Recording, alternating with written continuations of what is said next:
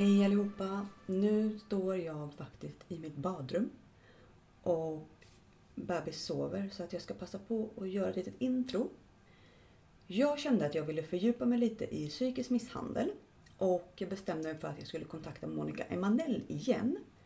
Hon var ju med i eh, de, de första avsnitten som vi gjorde av podden för typ fyra år sedan, eller vad det nu var. Hon är ju en expert på personlighetsstörningar och jobbar mycket med patienter som har varit eh, utsatta för våld i nära relation. Så jag åkte till hennes studio som är mitt i centrala Stockholm och eh, vi gjorde en intervju där vi fördjupade oss i det här ämnet. Och hon är ju grym. Alltså hon, är, hon är så himla bra. Och eh, hon har så mycket bra information och det hon inte vet det läser hon på och så förbereder hon sig och så kör hon. Hon är så himla bra. Så att jag hoppas vi kan sitta ner igen. För jag bara av att vara där med henne i rummet så kände jag mig lite klokare när jag gick ut. Så det var, nej, det var jätte, jätteintressant. Och jag tänkte bara att jag skulle radda upp lite hur psykisk misshandel kan se ut. Lite mer konkret, vad man blir utsatt för. Så jag tänkte jag raddar upp några saker här så att ni kan få lite tydligare bild. För alla de som inte har varit utsatta själva så kan det ibland vara lite svårt att förstå och se liksom, vad är det man blir utsatt för. Så att här kommer en liten lista på grejer. Eh, förövaren då, hen kommenterar och kritiserar hur man ser ut, hur man pratar, hur man går, till och med hur man står. Eh, allt från hur man äter, hur man, ja, men hur man gör saker, hur man tänker. Allt. Det är mycket kritik på dig som person och hur du liksom ser ut och är helt enkelt. Eh, den här förövaren får oftast offret att känna att man är fel. Eh, familjen är fel, alla vännerna är fel.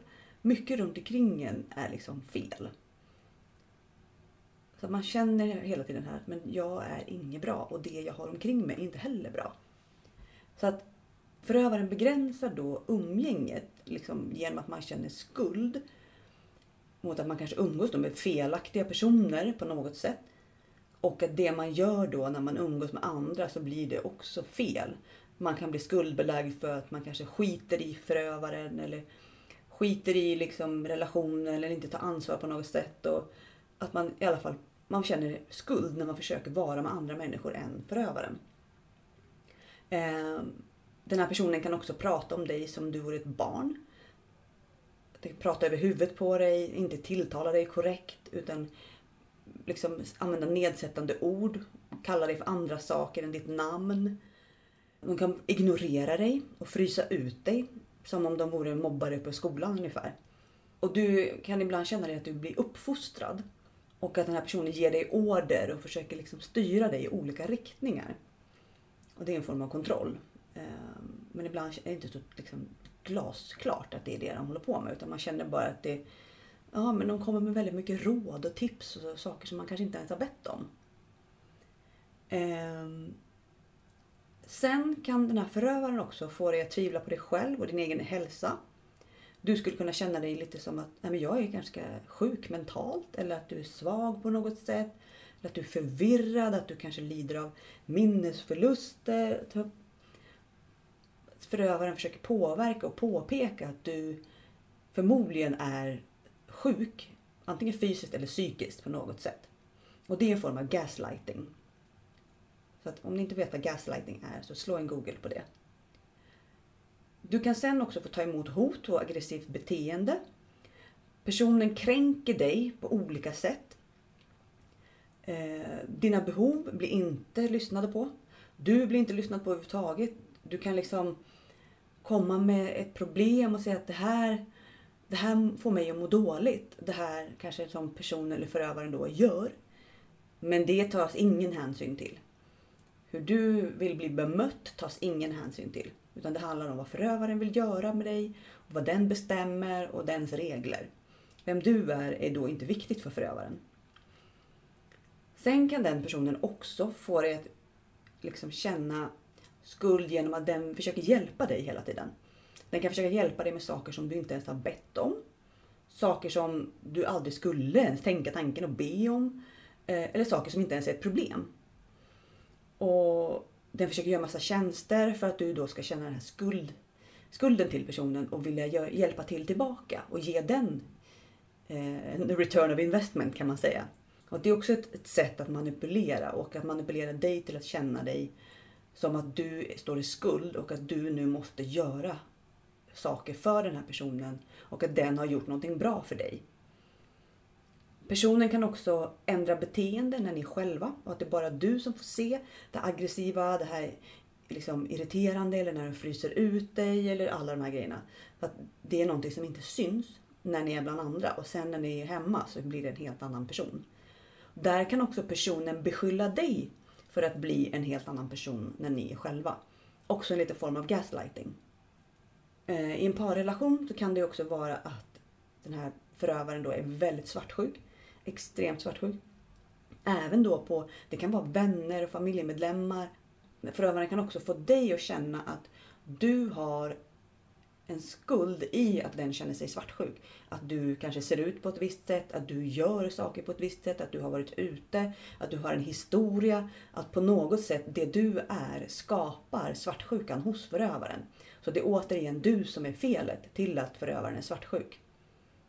Oftast kan man känna att det är någonting som är fel i den här balansen i relationen. Så att mellan er så är det inte jämlikt, det är inte eh, i harmoni. Utan man känner i magen att någonting är fel. Det är inte alls säkert att du känner så här, jag är nog psykiskt misshandlad. Men när du börjar läsa och börjar liksom kolla vissa kanske Instagramkonton som vårat eller andra typer av sidor som belyser den här problematiken. Så känner du igen dig och bara så men gud vad är det här? Är jag utsatt för det här? Det är inte alltid säkert att man känner sig som att man är det. Eh, stommen i psykisk misshandel verkar vara att du som drabbas ska tvivla på dig själv och allt annat runt omkring. Du ska tvivla på det så mycket att du inte vågar lämna den här relationen oavsett vad det är för typ av relation. Så du ska bli så beroende av förövaren som möjligt så att den här personen kan fortsätta utnyttja dig på alla möjliga sätt. Eh, och det, det här beroendet tar så lång tid att bli av med om man har otur. Och det tar lång tid att få tillbaka ett egenvärde, självkänslan. Och sen kan kroppen ta stor skada, både mentalt och fysiskt. Det psykiska våldet kan också yttra sig i fysiska liksom, reaktioner, ska man kalla det. Och det är lite de vi vill ta upp i det här avsnittet. Liksom, vad är det som händer och vad, vad gör den här stressen och det här psykiska våldet med oss? Och varför gör förövaren så här? Vad är grejen? Är det någonting som de har lärt sig någonstans? För det verkar vara väldigt lika. Alla vi som drabbas pratar ju ungefär om samma saker som händer. Och lite sådana saker. Så att, därför är det här ett viktigt avsnitt. För jag kände så här, vi måste liksom lyfta upp den psykiska misshandeln lite mer. För att den är så jäkla allvarlig. När man pratar om våld i nära relation så tänker jag så här, ja men jag blir ju inte slagen. Nej, och den psykiska misshandeln är precis lika illa och liksom vidrig på alla sätt och kan förstöra ett helt liv. Så um, Ja, jag hoppas ni kommer gilla det här avsnittet och att vi kan ge några svar på frågor som ni har när det kommer till den här typen av problematik. Och ehm, ja, jag lärde mig i alla fall massor. Ni hittar mer information om avsnitten och våra gäster och lite sånt på Facebook-sidan.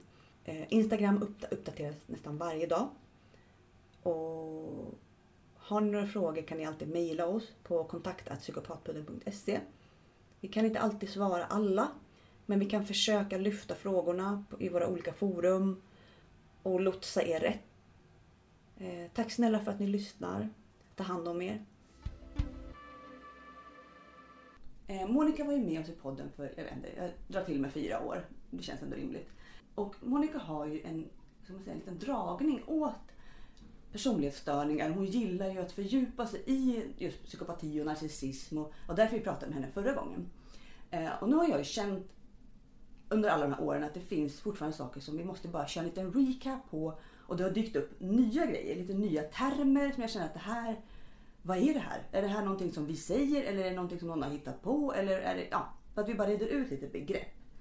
Så att min plan idag är att vi ska fördjupa oss lite i psykisk misshandel och det som händer med liksom hjärnan och det, även det, det fysiska med kroppen och lite också om förövaren. Varför förövaren gör det här och hur man kan liksom kanske komma åt dem. Vi ska liksom fördjupa oss lite mer i det. Så jag tänker att det vi ska börja med är ju då en liten recap på de här olika personlighetsstörningarna. Eller person... Vad säger vi? Ja. Ehm, ja, de olika problemen. Alla är ju inte personlighetsstörningar. Nej. Okej. Och då är det, det vi har narcissist, sociopat, antisocial och psykopat. De fyra skrev jag upp. Du har säkert fler. Jag tänker jag lämnar ordet till dig. Ja, om vi börjar med antisocial personlighetsstörning. Det är ju en personlighetsstörning. Och det riktar sig mer mot beteende, så kriminella beteenden. Mm. Så väldigt många av de som sitter i fängelse skulle nå upp kriterierna för antisocial personlighetsstörning. Och det är inte samma sak som psykopat. Okej. Okay.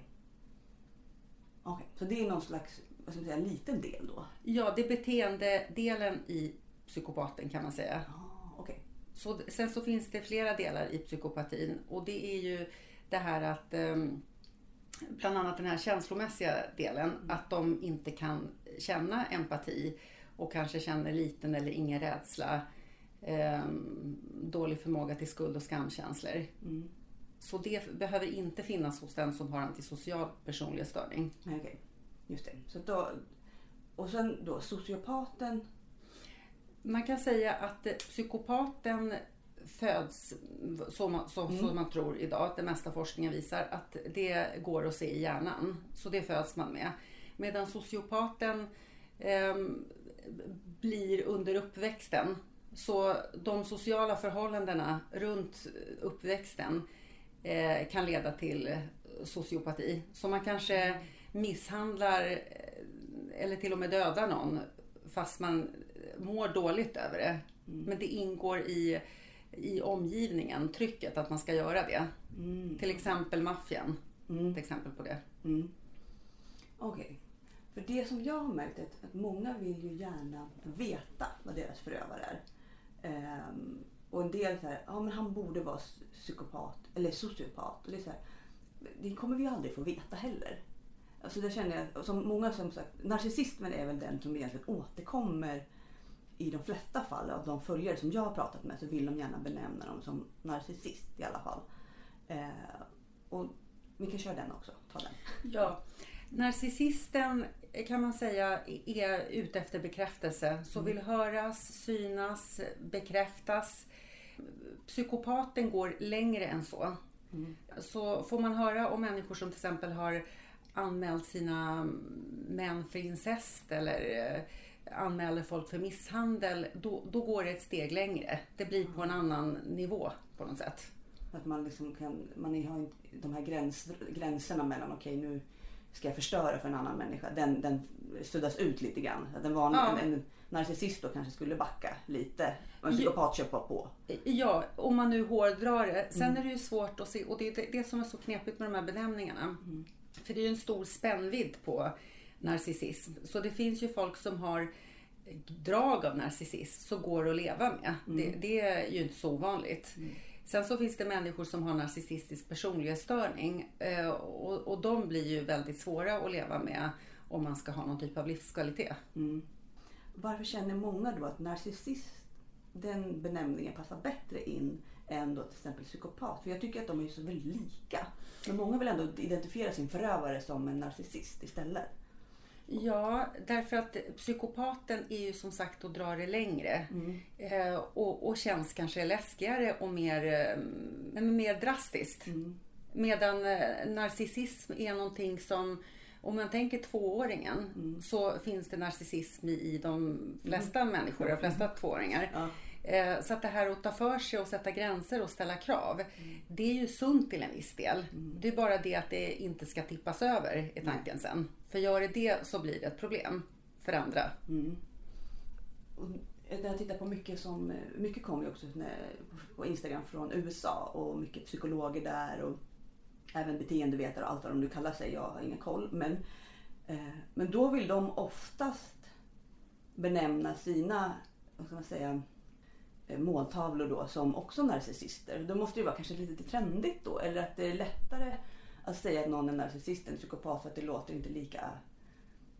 ehm, jag vet inte vad jag ska säga riktigt. Att, Lika drivet till sin spets och lika Ja. drastiskt. att det på något sätt att psykopater det blir så mycket allvarligare. Ja, på något sätt. just att det. Det kan man inte bara slänga ur sig hur som helst. Utan det, då är man ju nästan ja, liksom på änden, en, en, ända längst ut på liksom skalan känns det som. Precis. De, dessutom är ju det här med narcissistiska drag är ju väldigt vanligt. Mm. Så um, återigen, spännvidden är stor där. Men, men, men det är ju väldigt vanligt med människor som har narcissistiska drag. Mm. Däremot eh, psykopatiska drag, eller psykopater, är ju lite mer ovanligt. Mm. Det kan vara intressant att veta, för det får jag fråga om ibland, eh, om narcissister kan gråta Mm. och om de kan hjälpa andra. Liksom att, är de, kan de vara narcissister? Och ja, det kan de vara. Därför att hjälper man andra, då får man bekräftelse på ett annat sätt Mm. än när man eh, hjälper någon som man lever med. Så att det ger dem en liten kick. Exakt. Mm. Så att de kan vara väldigt hjälpsamma. Mm. Att det är inget konstigt. Nej. Nej. Men det är olika förstås, Mm. det är väldigt individuellt. Så alla är ju inte det. Men, men det är inte så att de inte kan vara det, utan Nej. vi- vissa är det. Och eh, kan gråta när de ser eh, en film med, med något eh, barn som far illa. Det kan de göra därför att de kan tycka att det är sorgligt. Mm. Så de, man kan vara narcissist även om man Även gråter för att man ser ja. att något barn i Afrika far illa. Mm. Det finns lite myter om det också. Att man inte har en empati alls. Men det finns ändå någon form av att de har det liksom. Ja, Mm. och sen jag menar, hjälper man barnen i Afrika Mm. och bygger upp någonting där, då blir man ju jättebekräftad. Mm. För man kommer dit och så är man som en kung. Mm. Ja, för det var någon som frågade, som bara, är det vanligt att, att präster är narcissister? Jag, bara, jag vet inte om det är vanligt, men jag kan ju förstå om de tycker om alltså söka sig till samma typ av yrken. Så kan det absolut vara. Jag menar, det finns narcissister i alla former Mm. av yrken. Och just det här att, som jag sa, att det, det bästa är, det optimala är ju balansen mellan att man ska kunna ta för sig och sätta gränser och ställa krav, men inte köra över någon annan. Mm. Eh, den mitten är optimal. Sen är det ju få människor som har den mitten. Mm. Utan antingen tippar man över åt att köra över sig själv lite för mycket. Ja. Eller så tippar man över att köra över andra lite för mycket.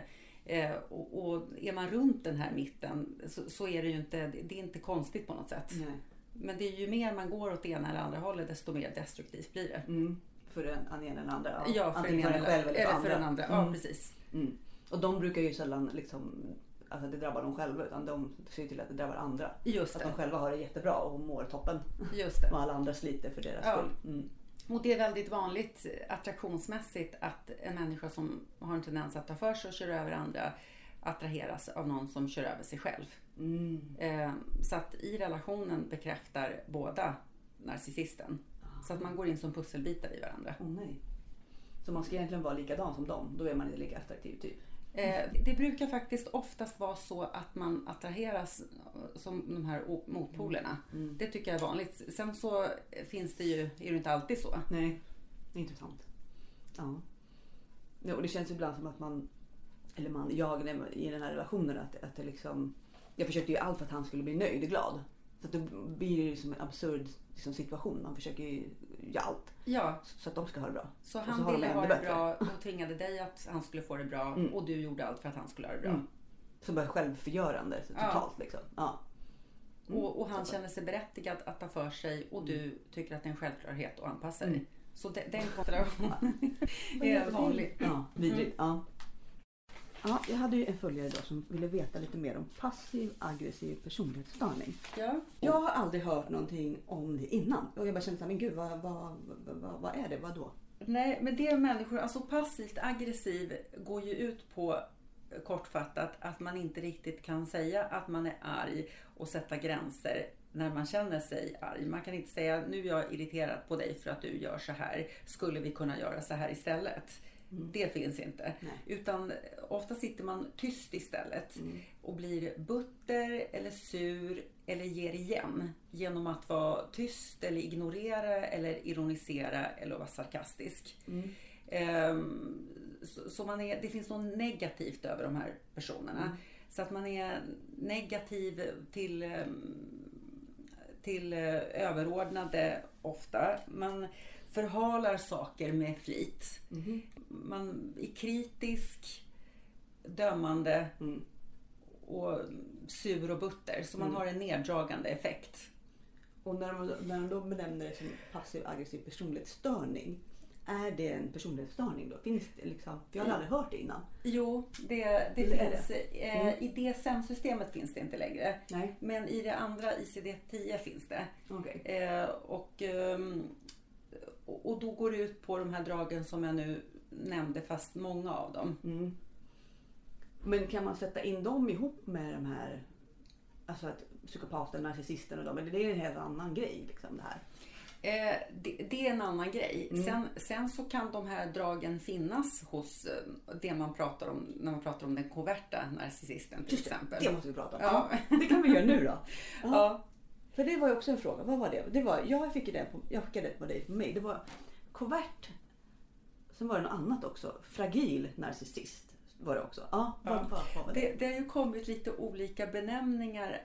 Vissa har kommit på att det finns eh, tre olika typer av narcissister. Någon säger sju olika typer. Och, och då har man eh, hittat de här olika filialerna för att dela upp de här narcissisterna.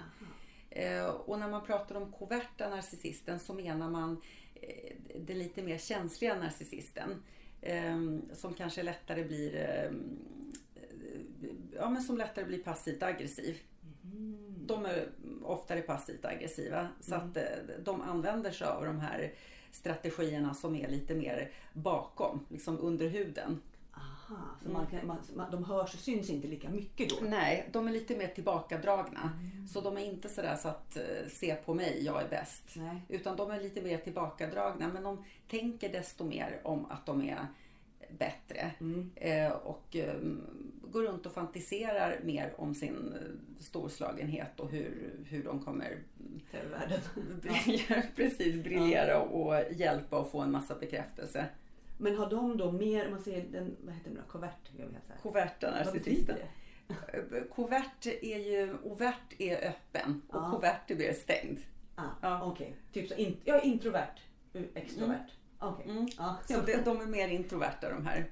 Okej, men, men kan de känna mer känslor då? Eller det som tänker narcissisten då överlag har är ju mycket full av sig själv. Men de kan ju fortfarande gråta om de ser en sorglig film och sådär. Men de som är koverta då, är de ännu mer känsliga? Eller? Ja, alltså det, det, det, det är ju återigen det här med olika filialer som att man har kommit på olika subtyper av narcissism. Eh, och med de här menar man att de inte är lika avstängda Nej. som de andra. Så, så inte, de bröstar sig inte lika mycket, de är inte lika avstängda utan eh, de går mer i det dolda. Men de tänker fortfarande att de är... Att de är fantastiska? Ja. Okej, men de här olika då narcissisttyperna. Mm. Är det någonting man använder sig av och liksom som men säger, om, om, som du, när du, om du, tänker du på det i ditt arbete eller det är något som kommer från USA som man tycker är lite kul att benämna för att de gillar ju att sätta namn på saker i USA. Ja, ja så det, man kan benämna det för att hjälpa till. Om någon berättar att, att jag blir utsatt för det här. Eh, då, då kan man benämna det för att man lättare ska förstå att det är ett kluster av beteende som ingår i den subtypen. Eller vad jag ska säga. Men, men det är ju fortfarande narcissism. ja, det handlar om. Ja, Men det kan finnas då som sagt, vad sa du, sju, upp till sju olika? Vissa säger ja sju, alltså vissa vissa, säger tre. vissa säger sju, vissa säger tre. Alltså det är olika det där. Mm. Vad tycker du då? Du bara, jag säger en och sen att de är olika. Eller, för det är som att det blir väldigt rörigt. Ja, nej, nej, jag tänker att man pratar om narcissism. Sen så finns det, kan man utifrån det som berättas gå in på vad det här innebär. Mm. Eh, och utifrån vad det innebär hur man ska hantera det. Ja. Men det, vi pratade lite om det här just med att man vill, man vill lära sig mycket och man vill fördjupa sig. Och vissa som har blivit drabbade går ju in väldigt djupt och måste förstå. Och det är ju väldigt bra. Men där kan man ju ibland snöa in på vissa saker. Så det kan ju vara bra att hålla isär begreppen och kanske prata med de som är riktigt kunniga också kan jag känna ibland. För, det, för, för mig när jag sitter där, det är så mycket information så jag blir helt snurrig. Det är så här, vad, vad, är det vi, vad är det vi håller på med? Ja, och, och någonstans är det bra att, att tänka att utgångspunkten är ju ändå att vad är det här för beteenden som den här människan utsätter mig för? Hur, hur mår jag av de här beteendena? Och hur ska jag hantera dem? Ja. Så att i slutändan så utgår man från det som, som man blir utsatt för och ser hur man ska skydda sig eller hantera. Oavsett v- vad det, vad det heter. Ja. För om man tänker så här, vad beror det på att det är så många som har de här narcissistiska dragen? Är det, det någonting de har, liksom, är, man föds med eller är det liksom, har det kommit av den miljön vi lever i eller är det både och? Liksom, liksom? Man tänker att det kan vara att det är sannolikt det både och. De här barnen är ofta barn som har lättare att ta för sig och lättare har, visar ilska och lättare ställer krav och har lättare att sätta gränser. Ehm, Det i kombination med att man inte får sina känslomässiga behov tillgodosedda. Eh, utan man blir, man blir kanske bekräftad för att man är jätteduktig på tennis eller i skolan och eh, pressad att bli ännu bättre, mm, kritiserad för att man inte är ännu bättre. Den kombon eh, kan leda till, eller leder ofta till narcissism, mer eller mindre ska jag säga. Och sen kanske att man, man får inga gränser för att man man behöver inte hjälpa till någonting hemma eller hjälpa sina familjemedlemmar. Men däremot så ska man prestera jättemycket inom till exempel tennis. Mm. Det där ska man verkligen göra jättemycket grejer. Ja. Men när man kommer hem behöver man inte göra ett skit. Liksom. Nej, Att till det- exempel. Ja. Så att det är en stor skillnad där. Så kan det vara. Vi har ju ett eh, konto som följer väldigt mycket och som vi brukar eh, prata ganska mycket även på Instagram. Och det är ju ett konto som heter Mansbebisar. Och det är ju jättestort. Eh, och där brukar vi också liksom diskutera just det att det är ju egentligen, man kan ju sätta ordet mansbebis på någonting men det handlar ju egentligen om någon form av, det blir en form av psykisk misshandel.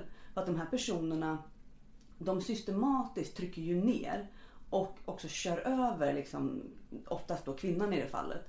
Ehm, och att det blir någon form av kultur i att männen då inte ska behöva eh, städa, diska, hjälpa till med barnen, vara närvarande. Utan att de, det enda de vill när de kommer hem, de ska få lite mat och sen vill de ha sex och sen ska det vara bra. Alltså att det liksom är någon slags, eh, inte vet jag, ja, konstig balans.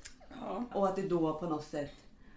Och den här kvinnan som befinner sig i den här situationen, hon blir ju... Vad ska man säga? Hon blir ju misshandlad på ett sätt. För att hon blir ju kränkt och hon försöker tala om att jag mår dåligt i det här, jag behöver hjälp, jag behöver stöd. Jag behöver att vi liksom delar på allting, att vi är ett team. Och mannen bara liksom kör över. Och jag vet inte om de ser, vissa gör säkert det.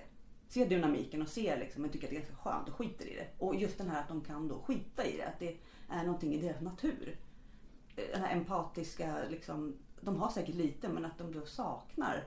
Vad är grejen med det där? Liksom? Jag blir alldeles, ja. Nej, jag tänker att det om man tittar i andra kulturer till exempel så, så är det ju i många kulturer en självklarhet att mannen ska kunna komma hem och sätta sig i soffan och göra ingenting. Så, så här är det ju lite bättre på den fronten. Men, men fortfarande finns det, det, det, det är närvarande fortfarande i många familjer. Och jag tänker så här att rent historiskt och biologiskt så skulle ju mannen samla, han skulle gå och vara jägare och kvinnan skulle samla bär typ och fixa med, med hemmet. Så sannolikt så sitter det där kvar också för att mannen är starkare och kanske mer lämpad att eh, jaga. Ehm, så, så, så antagligen sitter det kvar från urminnes tider. Och jag menar jag har två småbarn själv. Jag vet ju hur, ursäkta ibland, vidrigt det är. Och man orkar inte, man får inte sova ordentligt. Och nu hjälps vi åt, thank you Lord. Eh, men i perioder jobbar min sambo väldigt mycket. Och då känner jag ju att jag hade inte pallat så många veckor. Alltså det gör inte jag. Och det finns kvinnor som bara går i det här liksom. Men då undrar jag också, de här männen då, att de inte riktigt de inte kan lyssna och ta till sig heller. För där känner jag att det är väldigt många som kommer till oss och pratar om att de försöker berätta, de försöker förklara. Men det är precis som att de inte, empatikanalen är inte där. Nej, och där kliver ju narcissismen in. Så narcissism går ju egentligen ut på att man känner sig berättigad att bete sig på vissa sätt. Eh, och den här känslan av att vara berättigad gör att man inte känner skuld och skam att man utsätter någon annan för eh, en svår situation. Och det, är det någonting som är, ligger mer alltså, naturligt hos män? Ja, om man tittar på graden av narcissism hos män och kvinnor så är det vanligare hos män. Vad är grejen med det? Du, oklart. Det, det, det, det är oklart. Hjärnan ser ju lite annorlunda ut. Det är lite olika hjärnor. Lite större känslocentrum hos kvinnor. Ehm, så att sannolikt ligger likheterna i det. Mm. Eller olikheterna menar jag. Ja. Ja. Men om man tänker då som psykisk misshandel då, om vi ska liksom gå in lite på det. För det, det finns ju olika grader i helvetet som sagt. Och, och den, om man ser den här mansbebisen då som är uppfostrad och har fått liksom det här som vi pratar om att han behövde inte göra någonting hemma. Utan han behövde bara leverera på fotbollen ungefär. Och därför då kommer hem och skiter i liksom, sin tjej och förstår liksom, har inte riktigt den förmågan att förstå. Men sen finns det ju då de här, om man då fortsätter lite på skalan, de som är fullt medvetna och tycker att det här är härligt och de som då sen, sen också börja kontrollera och ta det ännu lite längre och längre och längre. Och att man liksom, man följer den här skalan. Ehm, och då undrar jag lite så här, den här förövaren då. Hur of, de är väl oftast medvetna vad de gör. Och det är som du säger det här med narcissisten, att de, han då känner att nej, men det här, det här är, jag ska göra det här för det är rätt. Det är mitt sätt att bete sig. Precis, ofta sker faktiskt inte det här på ett medvetet plan utan man, man eh, Eh, tycker att det är en självklarhet att man är berättigad till att göra det här. Så, så man stiger inte ut ur sig själv och tittar utifrån på hur det här konceptet ser ut. Utan man lever i det och tar för sig för att det känns rätt. Så man går på sin känsla. Mm. För de, tänker, de, har liksom, de tänker inte så här att okej men nu har jag eh, till exempel tryckt ner min tjej så att hon ligger här och gråter. Eh, och sen sekunden efter så kommer jag med massa komplimanger och lyfter upp henne igen. De ser liksom inte att det är någonting de gör för att manipulera utan de bara gör det. Just det. Som så, det just det. Så ofta är det inte så här att nu ska jag göra det här för att få den här människan att må jättedåligt. Det är inte så. Utan man kommer hem och så är man eh, kanske arg eller stressad eller irriterad, har sovit för lite, eh, tar ut sina negativa känslor på sin partner. Ehm, och, och sen så mm, kanske man går och ger komplimanger och skulle din kvinnan då säga så här att varför har du gjort det här? Så, så det, finns det en massa orsaker till det, motiveringar. Jag var ju stressad eller det var ju för att du fick mig att bli arg. Och där kommer narcissismen in i bilden. Att vad de än blir anklagade för så är det någon annans fel. Och för det upplever jag också för att vi, alla när vi, vi som är drabbade brukar säga, klumpa ihop oss lite. Att det är ju precis som att de har gått samma skola, att de har gått samma utbildning de här människorna. Och det blir så här, men hur är det möjligt att de vet alla de här sakerna och kan göra det? Är det någonting som de liksom lär sig? Men då är det bara att de, de har det i sig på något otäckt sätt. Att de är för, förprogrammerade liksom. Ja, eller det finns ju ett, ehm, ett, ehm, ett gäng med beteenden och känslor, liksom känslor som vi människor föds med. För det första kö- föds vi med eh, vissa basgrundkänslor. Och sen så kommer det ytterligare känslor på det. Och utifrån de här känslorna så skapar vi beteenden olika slag. Så att det, det finns ju nyans och nivåskillnader. Men, men det är ju samma typ av känslor och samma typ av, av beteenden som går igen. Okej. Mm. Så att egentligen, för när, man, när man tycker de här olika sakerna som de då utsätter oss för. Det, vi, har ju typ, vi kan ju ta till exempel gaslighting. När man då försöker få sin partner att tvivla så mycket på sig själv att man till slut tänker att jag är nog galen. För min, min förövare fick ju verkligen mig att känna att jag är psykiskt sjuk, jag är superaggressiv. Eh, och jag har jättesvåra mentala problem. Så svåra att ingen, ingen i min familj har ens vågat säga det till mig.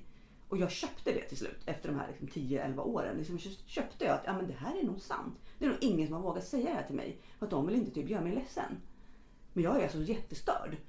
Eh, och jag var såhär, men gud hur ska vi göra för att hjälpa mig då? Vi måste ju fixa hjälp åt mig. Och han var verkligen såhär, nej men jag tror inte att det går. Utan du måste liksom bara lyssna på mig och det jag har att säga. Och på något sätt vart ju det en sanning. Men det här undrar man, hur har han lärt sig det här? Det, det återigen, oftast så sker det inte att han utifrån ser att nu ska jag göra det här för att knäcka min, min fru eller sambo. Utan det, det är någonting som han bara känner i stunden. Han känner att han är arg, han känner att han är avundsjuk, han känner att han är svartsjuk och då beter han sig i enlighet med det. Så att det är ofta ingenting som är... Den här distansen saknas utan man är i känslan. Men att de har liksom inte den strategin att nu ska jag köra gaslighting. Att han har ingen aning Nej, om att nej. det typ finns. Utan han, han bara gör det. Just det. För att liksom på något sätt hantera sina känslor eller då inte hantera dem kan Ja. vi säga. Utan få ut sina känslor eh, för att bli av med, med ilska, um, ångest, stress. Så, så det man, kunde, hand- man ja. kunde nästan känna att han trodde på det han sa. Men då gjorde han det också egentligen. Att han, han kände att så här är det nog. Att jag då var sjuk i huvudet. Ja. Att jag inte förstod honom och att det är liksom... Sannolikt så var det så att han i stunden så, så, så kände han att det var så och då sa han det till dig. Och det är ju det som blir så knasigt. Liksom att de, de upplever en verklighet som inte vi ser. Och det är det jag, kan, som jag känner då när jag, när, jag, när jag lyssnar på alla andra som är drabbade. Det är ju omöjligt att de har gått samma kurs, de här människorna. I och med att de är så identiska i ibland, alltså på meningar. När jag har skrivit ut olika meningar på poddens sida. Så här, det kan vara saker som han sagt. Och folk är så här, "Ja, men det där sa min också. Till orden. Ja. Och då blir så här, hur är det möjligt? Eh, jag, Det jag, tror, jag, jag tror att det är kopplat till att vi utgår från de känslor vi känner. Mm. Så känner vi stress, eh, då kan ju vissa människor ta ut över sig själva och andra tar ut över andra. Så man vill bli av med den känslan. Mm. Och, och sättet att bli av med den känslan går igen. Det finns vissa beteenden. Man säger får en andra att känna sig dålig för att tillfälligt känna sig bättre och så blir man förstärkt av det. Mm. Och när man blir förstärkt av det så kommer man på ännu mer meningar att säga till den andra så att man, det, det blir en De går igenom samma process, Ja. de här förövarna. Mm. Det är jätteintressant. Därför att det känns så himla orimligt att de ska ha gått samma kurs. Det går ju inte. Hur ska det gå till, liksom? Precis. Nej, utan jag tror att det är att, att man utgår från ett gäng känslor och hur man hanterar dem eller inte hanterar dem då. Mm. Och, och sen så finns det som sagt, som sagt nivå och nyansskillnader i det. Så vissa gör det mycket mer och då får de en större repertoar av hemska beteenden. Ja. Så, så det kan gå längre och längre. Alltså mer och mer. Mm. För att de känns ju också lite kreativa i sitt sätt att bete sig också, hur, hur de gör. Ja, Ehm, och just att de har olika nivåer på förövare. För vissa säger ju det att de har ju varit tillsammans med någon i kanske 20-30 år, men har aldrig blivit slagna. Men är så, fys- alltså, eller så psykiskt söndertrasade av den här personen som har verkligen bara ja, gjort på alla möjliga sätt med den psykiska misshandeln. Så att de har liksom, de är helt förstörda. De sa att det är så svårt för jag har ju aldrig blivit slagen men jag känner mig slagen för att den här människan har liksom förstört hela min hjärn, hela mitt Ja. hjärnsystem. Liksom, att det, Ja, och det blir ju mer tydligt med slag, även för förövaren. Eh, jag menar, slår förövaren så, så kan han läsa i tidningen att man, man ska inte slå. Nej. Medan det här andra är ju svårare att ta på. Så att även om de skulle läsa i tidningen eller höra på TV att eh, någon psykiskt misshandlar sin partner Ja, så, så kan det vara så att de, liksom, de kopplar inte till att de själva gör det. För det går inte att ta på så lätt som det andra. Nej. Ja, det är väldigt intressant för, att, för min förövare var ju så att han han pratade ju alltid om, jag har säkert förra gången också, men han pratade ju alltid om kvinnomisshandlare. Och jag var alltid så här, jag, det var liksom en del av mig var ju så här, men det är ju du, du gör ju det här. För han pratade om att ja, man, har, man har öppen hand för det gör mer ont och man slår på kroppen, man slår liksom i bakhuvudet. Man så här, men du gör ju det här, men du pratar om det som om det är någon annan. Och de här kvinnomisshandlarna, hur, man då liksom, hur de gick tillväga och allt det där.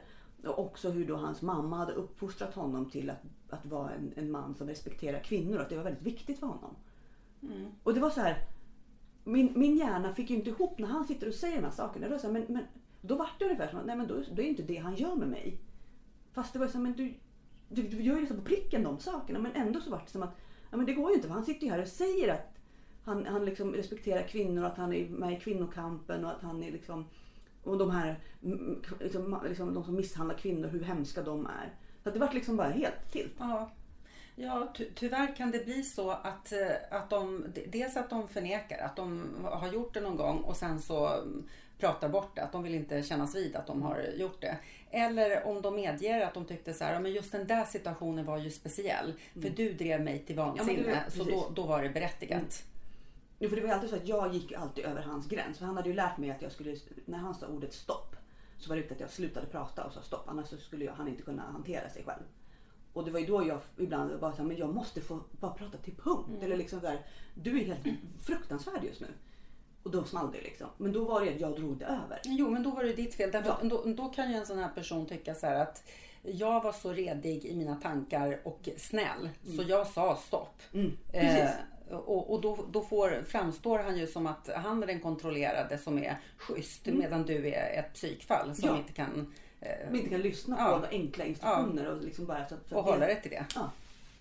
Mm. Så då är det det de gör egentligen. Så att de, de på något sätt hela tiden rättfärdigar sitt eget beteende eh, och, och är, inte, är liksom egentligen absolut inte medvetna om det. För det som jag märkte i slutet, de sista veckorna innan jag lämnade honom, så då var det ju väldigt tumultartat och han kände ju att jag var på väg. I och med att jag hade blivit kär i en annan person också. Det var ju väldigt jobbigt. Men då sa ju han så här. Jag vet att jag inte alltid har varit så schysst mot dig. Eh, men snälla gör inte mig ful. Mm.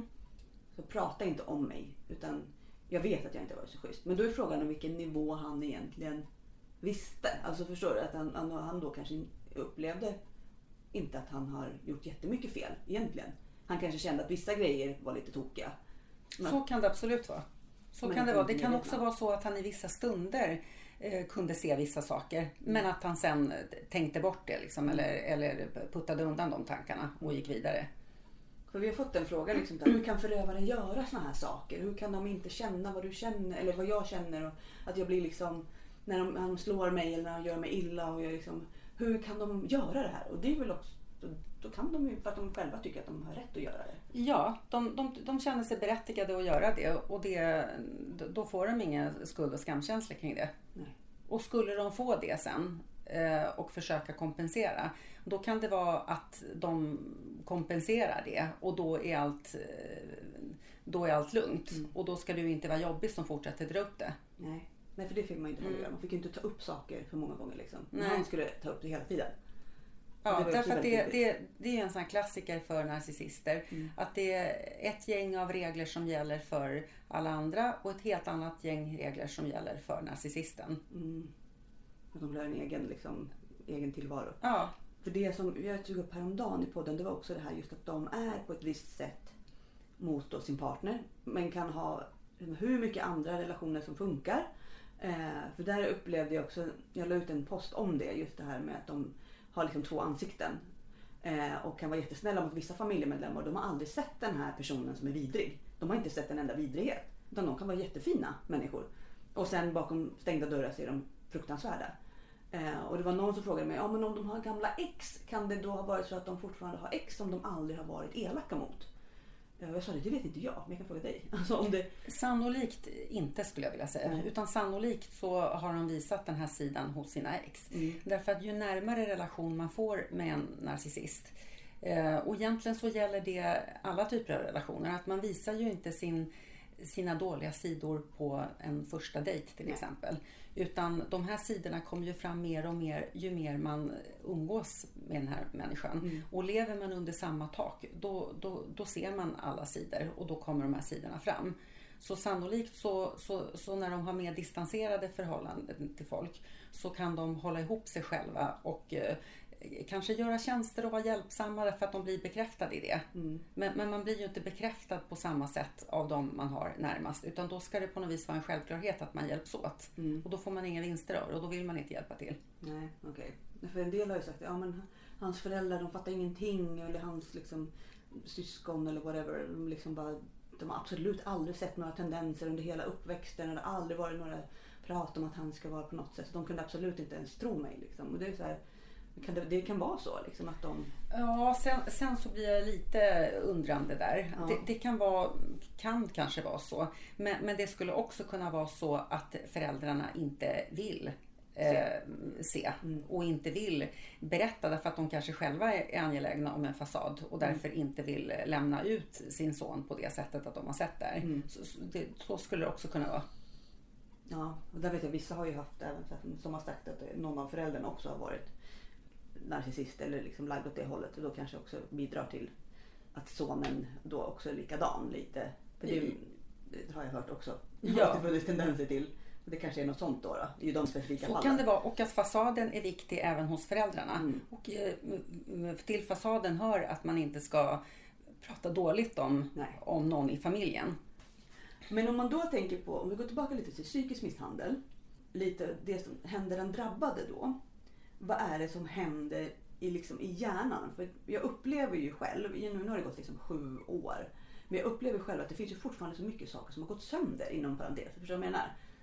Eh, att den psykiska misshandeln känns liksom mer förödande. För det, det, liksom, det, det psykiska, det, det blev ju också självklart det blir en, en psykisk påfrestning av att bli slagen till exempel. Det kommer ju absolut sår. Men det är ju snarare saker han har sagt, snarare saker som liksom han har gjort som har varit det som sitter kvar längre kan jag känna. Ja. I alla fall hos mig. Och jag upplever att många jag har pratat med också känner lite samma sak. Att det blir så mycket värre. Inte värre, ja men du förstår vad jag menar. Ja. Det hänger i sig. Absolut.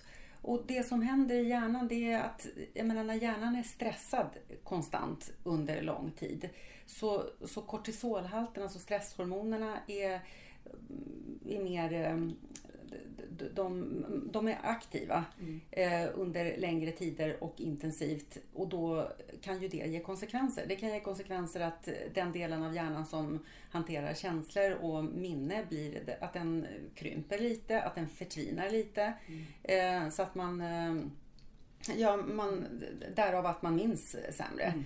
Och speciellt då minns sämre i situationer som är känslomässigt laddade. Mm. För det är väldigt vanligt. Jag tänker att vi ska prata om det också. Det känns som en så stor grej. Just med minnet och även då att man förvränger, har förvrängt saker. Att jag ibland liksom ser att men det, så där var det inte riktigt och sen har jag gjort om det liksom i min ja. hjärna. Men om man tänker att eh, hjärn, hjärnan, när, när det är som ett träd mm. eh, och när den mår bra så kommer det ut nya nervtrådar mm. och, och det växer och frodas mer.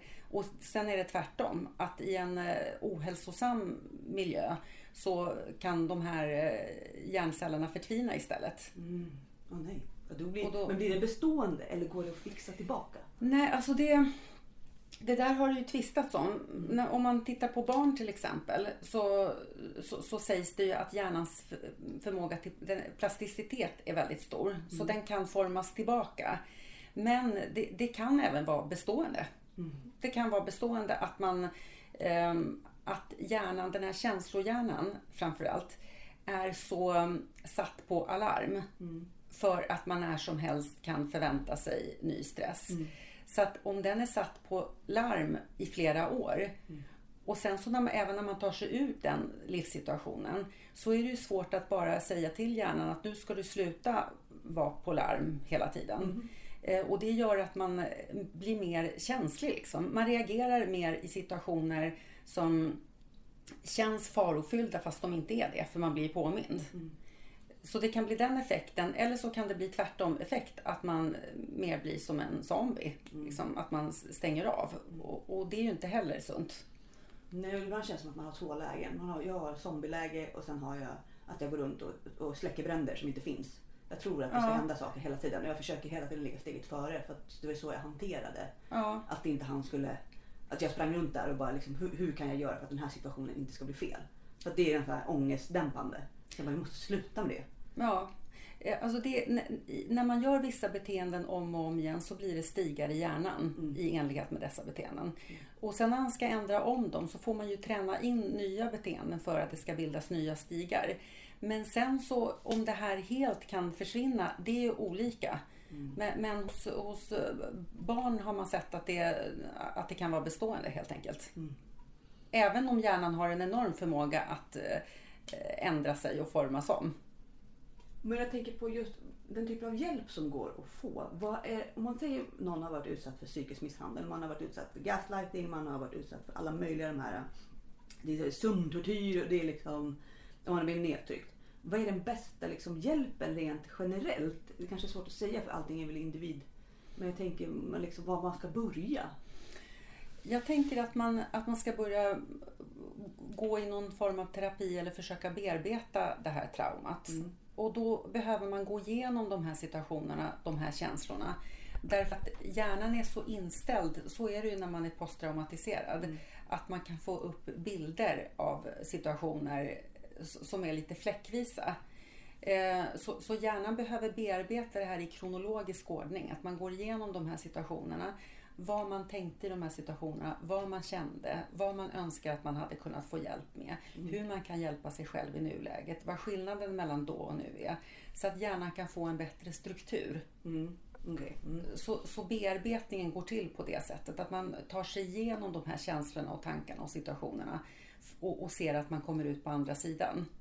Mm. Sen kan det här aktiveras igen. Men, men, men det är den typen av, av bearbetning som jag tror är den bästa egentligen. Mm.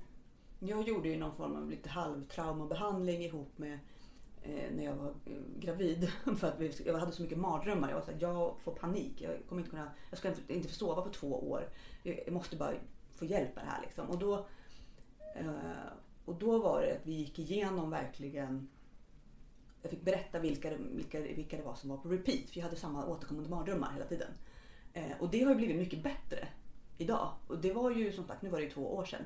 Ehm, och jag har mardrömmar fortfarande, absolut. Men det är inte på den nivån. Alltså, då var det ju liksom varje natt. Och det var ju sådär på repeat. Jag kände men nu vet jag ju exakt vad som ska hända. Det var som en sån här konstig film du vet, när du vaknar och det måndag varje dag. Ja. Man bara, det här är vidrigt. Mm. Ehm, men det blev ändå bättre. Då blev jag såhär, men gud, har det kanske läkt lite då? Jo, Det men det har det. liksom. Då, då har du jobbat med din PTSD. för Du Mm. var ju posttraumatiserad. Och det är så här det yttrar sig. Att när man är utsatt för mm, trauman, då, då vill man automatiskt få bort det ur huvudet. Man vill inte tänka på det. Nej. Eh, och, och, och när man inte tänker på det så kan inte hjärnan bearbeta det. Så att man, man måste tänka på det, men på ett, gärna med någon som, där man kan gå igenom det här. Där man kan berätta, sätta ord på tankar, känslor, så att hjärnan kan få struktur och sen försöka få hjärnan att fatta att okej, det var då, nu är det inte så, nu är det så här. Mm. Eh, Så att man kan eh, se en skillnad i då och nu. För man behöver göra en tydlig markering för hjärnan så att den förstår. Det är Ja, det man verkligen... ja, och och då behöver man hjälp så man kan sitta själv och tänka sig ur det liksom. N- Nej, inte om man... ehm, I så fall att man vet hur man ska göra för att bearbeta trauman. Mm. Då kan man ju försöka det, tillämpa ja. de här strategierna. Precis. Men, men det, det man inte ska göra, det man automatiskt ofta vill göra, det är att inte tänka på det. Jag orkar inte tänka på det där för det är för jobbigt. Mm. Eh, den strategin funkar inte, för då är man fast i det. Mm. Så, och det är då det fortsätter upprepa sig som Det att det var igår. liksom. Mm. Ja, och då kan det ha gått tio år och sen känns det som igår. Mm. Så för att komma från det liksom, Mm. så, så måste man ta sig igenom det här. För tanken, målet är att hjärnan ska kunna tänka på det här utan att gå igång. Mm. Att det bara ska kunna finnas där. Det ska kunna finnas där och inte gå igång. Därför att när det går igång, då är det så här att nu är det någonting farligt som händer. Mm. Och då går ju hela kroppen igång och så mår man jättedåligt. Så en rekommendation är egentligen man börjar med någon slags basterapi eller vad liksom, och sen så får man se vad man behöver. För det finns så många. Ja men det är så här, ja vi har gestaltterapi och vi har bla bla bla hit och dit och det är det ena med tredje och fjärde och typ liksom, ja. Ja, terapin ska gå ut på att bearbeta de här tankarna och känslorna. Mm. Som man har varit med om under traumat. Det är det terapin ska gå ut på. Så man måste ta sig igenom känslorna, sätta ord på dem, försöka förstå varför, vad det var som hände, var, varför man eh, blev ut, liksom varför man eh, satt kvar i det här, varför man, eh, var, varför man hamnade i det här.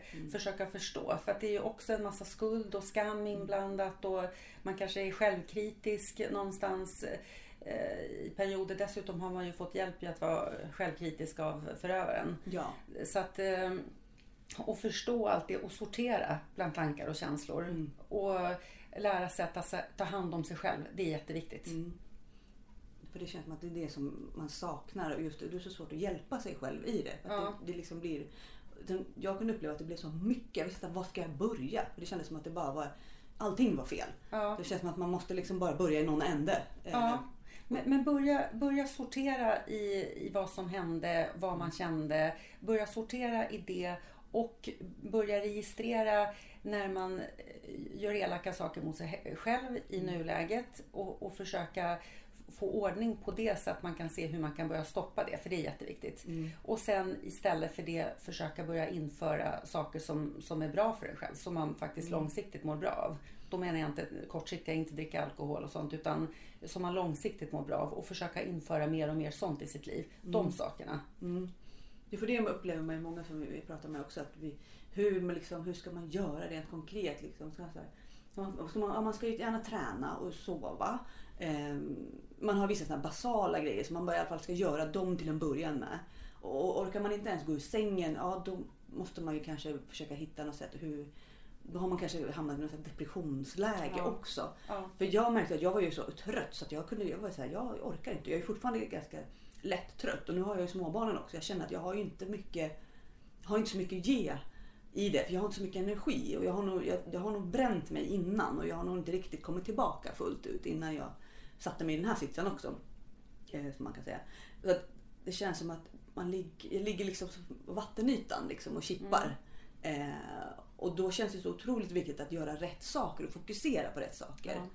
Och vara uppmärksam, liksom som du sa det här att okej, när gör jag saker som inte hjälper mig just nu för att jag sitter i ett gammalt, lite som jag var inne på det här med att jag springer runt och släcker bränder som inte finns.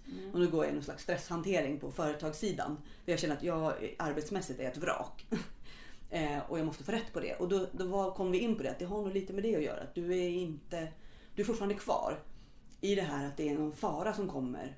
Och det känns som att många av följarna som jag pratar med också, det är det här att man är så beredd på att det ska hända någonting. Ja. Så att man kan liksom inte slappna av, man kan knappt sova liksom. Man bara är vrak bara. Ja, och, och där, där behöver man vara jättenoggrann med att försöka eh, spåra och registrera hur mycket vila man behöver och försöka hitta någon balans mellan vila och aktivitet. Och då ska det vara mycket aktivitet när man gör den som man faktiskt mår bra av. Det kan vara att man kanske skulle vilja börja måla eller ja, nå, någonting som är som, är, liksom, som ger energi. Mm. Och det är väl det som är så svårt. Man är så dålig på att ta hand om sig själv känner jag. För det, har, känns som att det har blivit lite förstört. Ja, där kan man börja tänka på vad man tyckte om när man var liten kanske eh, innan man träffade förövaren. Eh, och, och sen testa lite av de sakerna Mm. och se om man mår bra av det eller inte. Mm. Jag tänkte på det här för vi hade en eh, del om eh, sömntortyr. Eh, och just det här att de gör en så trött under relationen. Att många kände igen sig i det. Ehm, och jag undrar lite där, när man får sova dåligt under längre perioder, kan man få liksom fysiska skador av det? Just liksom, jag tänker komma tillbaka lite till vad, det, vad man kan bli drabbad av. Liksom. Ja, att sova dåligt är jättedåligt. Ja. det, det kan ju i slutändan ge psykoser Ja. faktiskt. Så att det, det är livsviktigt. Mm. Liksom både för kroppen fysiskt men för psyket är det A och O. Mm. Så, så sover du dåligt, så saker som, som annars kan kännas jobbiga. Eh, att man tänker sig varför sa jag så eller, eller alla möjliga situationer som man tycker att man borde gjort annorlunda eller att man eh, grämer sig över någonting. Allt det blir sju resor värre. Mm. Så alla problem man har, lite av eller mycket av, blir sju resor värre när man sover dåligt. Mm.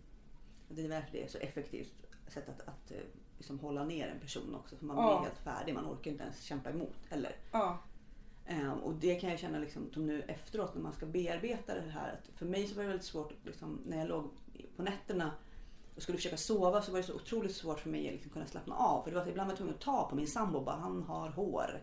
Det är han. Alltså, så vet, så här, massa sjuka grejer för att liksom veta att jag var där. För att Ja. jag har gått vidare liksom. just det. Eh, och att jag, jag är inte fast i det här.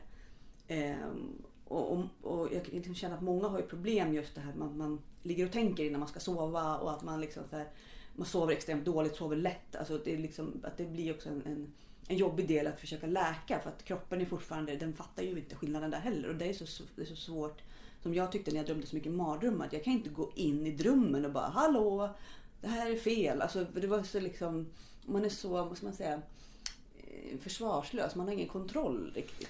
Där. Ja, det, men det man kan kontrollera det är timmarna innan man lägger sig. Mm. Och sen hur man hanterar sig själv när man vaknar. Att man försöker ha några meningar som man ska tänka. Kanske mm, som du gjorde, ta på din sambo för att eh, påminna dig om att du är i en situation som du faktiskt känner dig lugn i i dagsläget.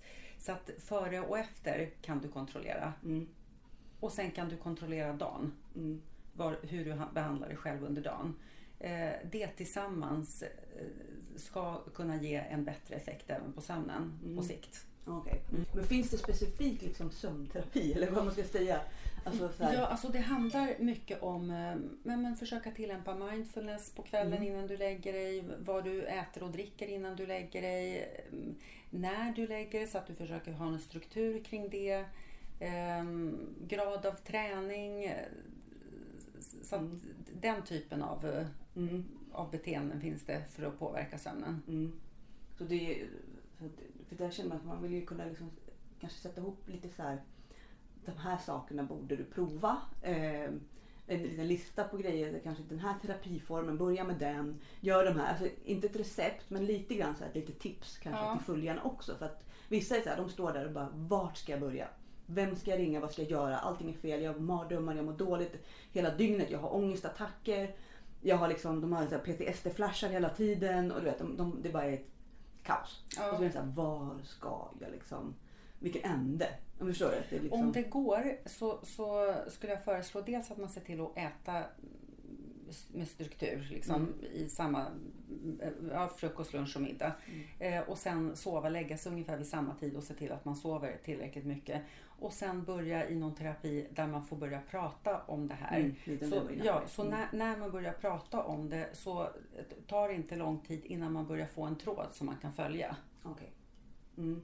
För det är det många upplever, att de- det är bara som att de har kastat ut tusen pärlor på hela golvet och de vet inte vart de ska börja. Precis, precis. Och där, eh, att börja prata om det Mm. så, så kommer de vart efter känna att de får en tråd, att de har tagit tag i en tråd Mm. och sen kan man diskutera hur de ska gå vidare, vilka situationer de mer ska ta upp och, och till slut så brukar det där lägga sig. Så efter ett tag så känner man att man får, får någon typ av kontroll, någon överblick över Mm. liksom, vad, vad man gör och vad man ska göra och inte göra. Och, Mm. Många pratar liksom just om det här man, man, hur man bryter gamla mönster. Men det var lite det vi var inne på. Att man måste liksom gå i kanske terapi och få stöd och hjälp att kunna bryta. Att det är svårt att göra vissa saker själv.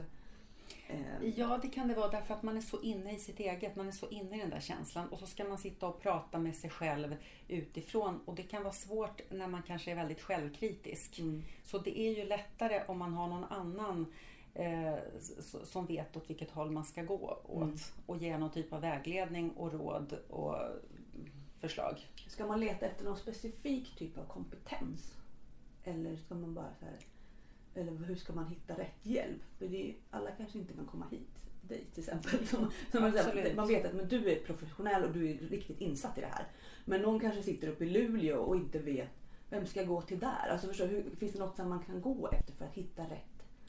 Jag tänker att där, där är det ju liksom att gå till vårdcentralen Mm. och se om man kan bli mm, remitterad därifrån. Men sen så tänker jag så här att den här typen av forum där man träffar andra som har varit med om samma sak, Mm. det är guld värt. Ja, och det är ju sant. För det är många märker Ja. man ju som hittar lite varandra och vi har olika stödgrupper på online. som man Ja, kan det, prata det med är andra. guld värt. Mm, För där, dels kan man få något tips om vad någon annan gjorde Mm. och sen den här förståelsen, att man inte behöver förklara sig utan någon annan förstå, mm, för, förstår vad man har varit med om. Och sen att eh, nej men inte kä- känna att det finns någon risk att, man blir, att någon är dömande. mm. Ja, för det där är ju Och sen skamkänsla, skuld, liksom det, det slipper man. Mm, mm. Det var en fråga som jag tyckte var väldigt intressant som jag fick av en följare. Som, hon vill egentligen, jag tror att hon vill kanske veta lite vad hon själv hade för val inom parentes. För hon frågade så här. Om man överhuvudtaget hade någon chans att komma loss i början när man råkade ut för den här personen. Eller om att det liksom var kört. För jag tänker liksom, för det, det är många följare som man, vill- man hör att vi, vi känner gärna skammen och skulden att vi borde ha tänkt på något annat sätt. Vi borde ha gjort något annat. Vi borde ha sett. Och när det i början kanske bara är liksom lite, tendenser till psykisk misshandel så kanske man kunde ha sett den där flaggan och så hade man gått. Ehm, så jag vet inte riktigt vad jag vill med frågan men på något sätt så tänker jag om, om utifrån din kunskap om de här personligheterna, om narcissisten, psykopaten och alla de här. Vad, har- alltså har man någon chans i början egentligen? Nej, men jag tänker så här att, att man har ju en tendens eh, att utgå från sig själv. Så om man själv inte kan göra vissa elaka saker mot andra människor så utgår man någonstans från att andra inte heller kommer göra det. Eh, Så att ofta är det ju med de ögonen man går in i relationen. Och, och det här kommer smygande så det är inte från en dag till en annan. Eh, det här smygandet i kombination med att man inte vet att man ska titta efter ett rovdjur. Mm. Utan man, man tänker att eh, man ska ha trevligt i relationen. Gör att man blir skyddslös. Mm.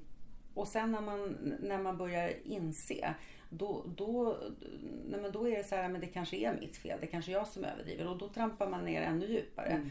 Och, och, ja, ja, därför att sen har man...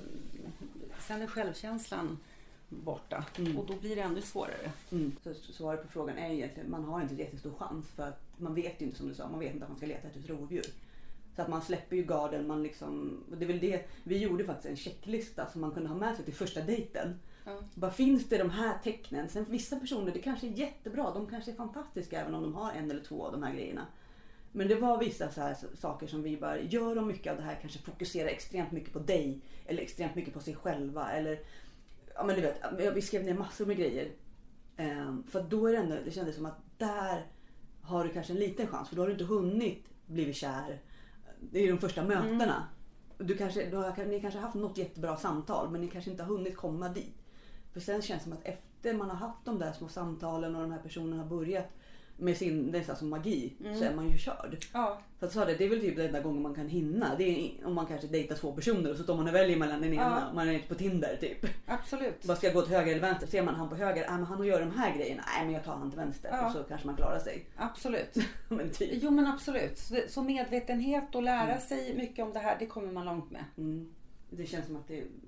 För så fort man får in lite egna känslor, vilket de är väldigt snabba på att se till att man får. Mm. Så är man ju... Det blir hundra gånger svårare Ja. liksom. Men om jag bara om vi knyter ihop säcken lite om psykisk misshandel. Man får skador. Om man bara, vissa har ju upplevt att de får ju... Eh, de kan få typ så konstiga eksem. Eh, en del har haft konstiga hjärtklappningar som ingen har hittat någon eh, liksom, grej till. Och jag har haft ett problem med min mage. En del har haft det var naglar som bara går sönder. Alltså mycket sådana här som stressåkommor kan man väl säga. Det är väl liksom, där finns det väl som jag, när jag läste alla möjliga olika åkommor så var det verkligen så här, gud det finns allt. Det fanns ingen röd tråd riktigt utan det var från höger till vänster. Ja, därför att eh, det är individuellt och kroppen reagerar olika hos olika personer. Men- Men man, får, man blir väldigt drabbad av en sån här person, både psykiskt och fysiskt. Sen på vilket sätt är individuellt. Mm. Men man blir väldigt drabbad och egentligen är det logiskt när man tänker återigen att kortisolhalten är hög, man är satt på sån här, som en larmknapp i hjärnan och, och att leva så, det är ungefär som att man skulle springa och sen inte sluta springa utan man fortsätter springa. Så, så är det ju psykiskt. Ja. Och sen det här som jag tyckte var jätteintressant, det var det här som händer i hjärnan. Ehm, att det då faktiskt kan bli liksom permanenta skador för att den lever på den här alarmknappen som du säger, att det är inte bra för hjärnan och den inte riktigt klarar hur länge som helst. Liksom. Nej, och, och sen hur, hur man återhämtar sig är åter väldigt individuellt. Så det går inte riktigt att säga. Vissa återhämtar sig mm, kanske helt, liksom, det, det är svårt att säga. Men, men, eh, men det är vanligt att man får, man får konsekvenser av det här. Men om du säger, kan man göra så här generellt, kanske jättesvårt att göra det generellt, men jag tänker ehm, någon som har blivit utsatt, ungefär hur lång tid det tar innan man börjar återhämta sig. Kan det liksom, så här, vissa säger, ja men jag, jag har hållit på i tio år och det, jag blir inte bättre. Liksom. Men det kanske man kanske borde ha blivit lite bättre efter tio år. Förstår du? Alltså att det finns Ja, någon sån det, här... där, där blir jag ju lite undrande liksom vad man har jobbat med under Mm. de här tio åren. Så rimligtvis så, så det är svårt att säga tidsmässigt. Mm. Men, men, men efter ja, ett år, om man jobbar med sig själv så borde man märka någon skillnad i alla fall. Eh, För jag tänker det här att, att ha omhändertagande beteenden om sig själv. Mm. Var noggrann med att inte utsätta sig för, för mm, när man mår dåligt av någon, att vara kvar i, i det i fortsättningen. Eh, borde ge något typ av resultat. Mm. Så att man ska ändå förvänta sig lite resultat. Då kanske Ja. man måste hitta något annat sätt. Ja, Ja. Det, men det kan ju också vara så att man har åkt ner i en depression och att man faktiskt måste medicinera. Ja. Så kan det ju absolut vara. Mm. Och då, då tänker jag, det där är ju lite olika hur man tänker kring det. Men jag tycker att man ska medicinera. Mm. Eh, sen är det inte alltid det hjälper. Men, men, eh, men när det hjälper så tycker jag att det är väldigt bra i kombination med det här andra. För man med får lite stöd. Ja, Mm. man får lite stöd. Så att det inte känns som lika stort berg att bestiga. Mm. Och sen trappar man ut Ja. och liksom fasar ut. Ja, Mm. Ja men då, då finns det ändå, man ger någon form av, alltså att de i alla fall ska känna att det märks lite, att det blir en liten förbättring. Att det är ändå rimligt att känna att det faktiskt ska gå. Ja. Att det inte liksom, som sagt vissa har ju varit såhär, nej det, det är bara nattsvart. Ja. Och då känns det som att då kanske det är något, precis som du säger, att då är det något annat man måste kolla så att det inte... Ja, då kanske, då kanske man skulle behöva äta mediciner under Mm. ett tag och se om, om det kan... För om det är så att man gör de här sakerna Mm. och sen så känner man ingen skillnad, då, då kanske man faktiskt ska medicinera Mm. under en period för att få draghjälp. Och jag tänker de som bara är i en sån här relation just nu och som har svårt, liksom, de är psykiskt liksom helt slut. Ehm, hur de liksom ska göra för att orka. Då är det väl lite samma som vi har pratat om det här att de försöker hitta någon, något sätt att få någon form av sömn och äta och Mm. göra lite det här fast det är jättesvårt. Men att försöka ta hjälp i det. Liksom. Ja, börja med basbehoven. Så Mm. äta och sova och se om de kan få någon hjälp, om de kan få något andrum. Liksom. Mm. Jag vet inte om de bor med den här personen fortfarande. Så att få något andrum och eh, bo någon annanstans under en period. Mm. Att samla lite kraft. Ja, Mm. Ehm, jättebra. Jag frågade våra följare om lite olika saker eftersom att jag sa att jag skulle hit. Ehm, och då var det en som ville veta om Maslows behovspyramid. just det. Vad är det? Eh, Maslows behovstrappa handlar om att man när man får vissa behov tillgodosedda som är grundläggande, apropå det här att sova och äta. Mm. Först måste man tillgodose de behoven. Sen när man har tillgodosett de behoven, då kan man titta vidare. Eh, och då säger man att sen så kommer säkerhet och trygghet. Att du vill ha en stabil vardag och rutiner Mm. i den. Och när du känner dig trygg så vill du ha gemenskap med andra människor. Mm. Och när du har det så vill du ha uppskattning och respekt. Och när du har det så sista eh, trappan eller trappsteget är att förverkliga sig själv. Mm. Så om man tänker så här. Eh, när du blir utsatt för psykisk misshandel. Det som att hålla, tycker jag, att det är som att störta i ett plan. Så när du störtar i ett plan så kan du inte sitta och tänka på att du ska gå och fika och hur trevligt det ska bli och hur du ska förverkliga dig själv. Det, det finns inte plats för det utan då är det att, att överleva. Mm. Så att då, då måste man börja i den änden och sen bygga vidare. Mm. Så det där är en ganska bra liksom, pyramid att hålla koll alltså börja med. Man börjar med toppen och sen så jobbar man sig neråt då typ. Eller? Ja, eller tanken från början med Maslows behovstrappa det är ju att när man är liten så börjar man med det här att man äter och, och dricker och sen så går man vidare åldersmässigt. Men, men jag tycker att, att det går att tillämpa just det här att när man befinner sig i olika livssituationer så ibland är man i ett överlevnadsmode och då kan man inte tänka på vart man ska resa eller liksom vad, vad man ska besöka för turistattraktioner därför att man må, måste hålla huvudet ovanför vattenytan. Och inte liksom gå under där. Nej precis, så då lägger man nivån där och sen sakta tar man sig uppåt. Mm. Ja men jättebra, då har vi rätt ut den. Den var lite sådär, vad... Sen, sen så tänkte jag en annan sak, ehm, bara en till, det kanske inte är aktuellt för det här. Men ehm, eh, när man, eh, många frågar om hur det är att ha barn med narcissister. Och det tycker jag att hon, hon har tagit med i sin bok här, Perfekt på ytan och defekt inuti. Den har kommit ut nyligen. Ja, Alicia Lundberg. Ja. Ja men den, då ska jag ta bild på den. Ja, Jag tar bild på den. För, för där skriver hon nämligen om eh, att ha barn med en eh, människa som, Det är jättebra. som misshandlar. Eller misshandlar psykiskt. För det är jättemånga av våra följare som har barn Ja, med sina förövare. Jag vet. är Och det, det här är, precis, därför att det här är en, eh, en hel vetenskap i sig. Så det, Ja. det är ett ämne för sig. Ja. Därför att man blir så beroende. Så apropå att man var hjälplös i relationen. Mm. Så blir man hjälplös efter relationen också om den här människan får för sig att använda barnen som vapen. Mm. Vilket inte är ovanligt. Det är- Ja. Och det är långa processer och jag tycker så synd om dem så jag håller på att gå av. Ja, jag vet. Och de måste vara tillsammans med den här människan, eller ha dela liv med Ja. den i typ 18 år till nästan. och, och dessutom måste man ju Ah. se på när ungarna knäcks. Ja, så vidrigt. och lämna bort ungarna till någon som de inte vill vara med ibland. Eller så är det så att den här människan, eh, narcissisten, har fått ungarna på sin sida så att Mm. ungen då går över i en misshandlande roll mot den förälder som redan har blivit misshandlad. Jag är, det är vet. som mardröm. Ja. Jag får, gåshud. Ja. Hela kroppen. Ja, jag vet. Och det är därför jag tänker, Mm. för hon, hon tar upp det här temat eftersom hon själv hade det så. Jättebra. Ja. Det tar vi med som tips. Ja, ja men vad skitbra. Ja. Tack snälla för att du ville vara med. Eh, och jag har haft några följare faktiskt som har rekommenderat dig också. Jag bara, men jag har redan träffat henne. Hon är faktiskt jättebra.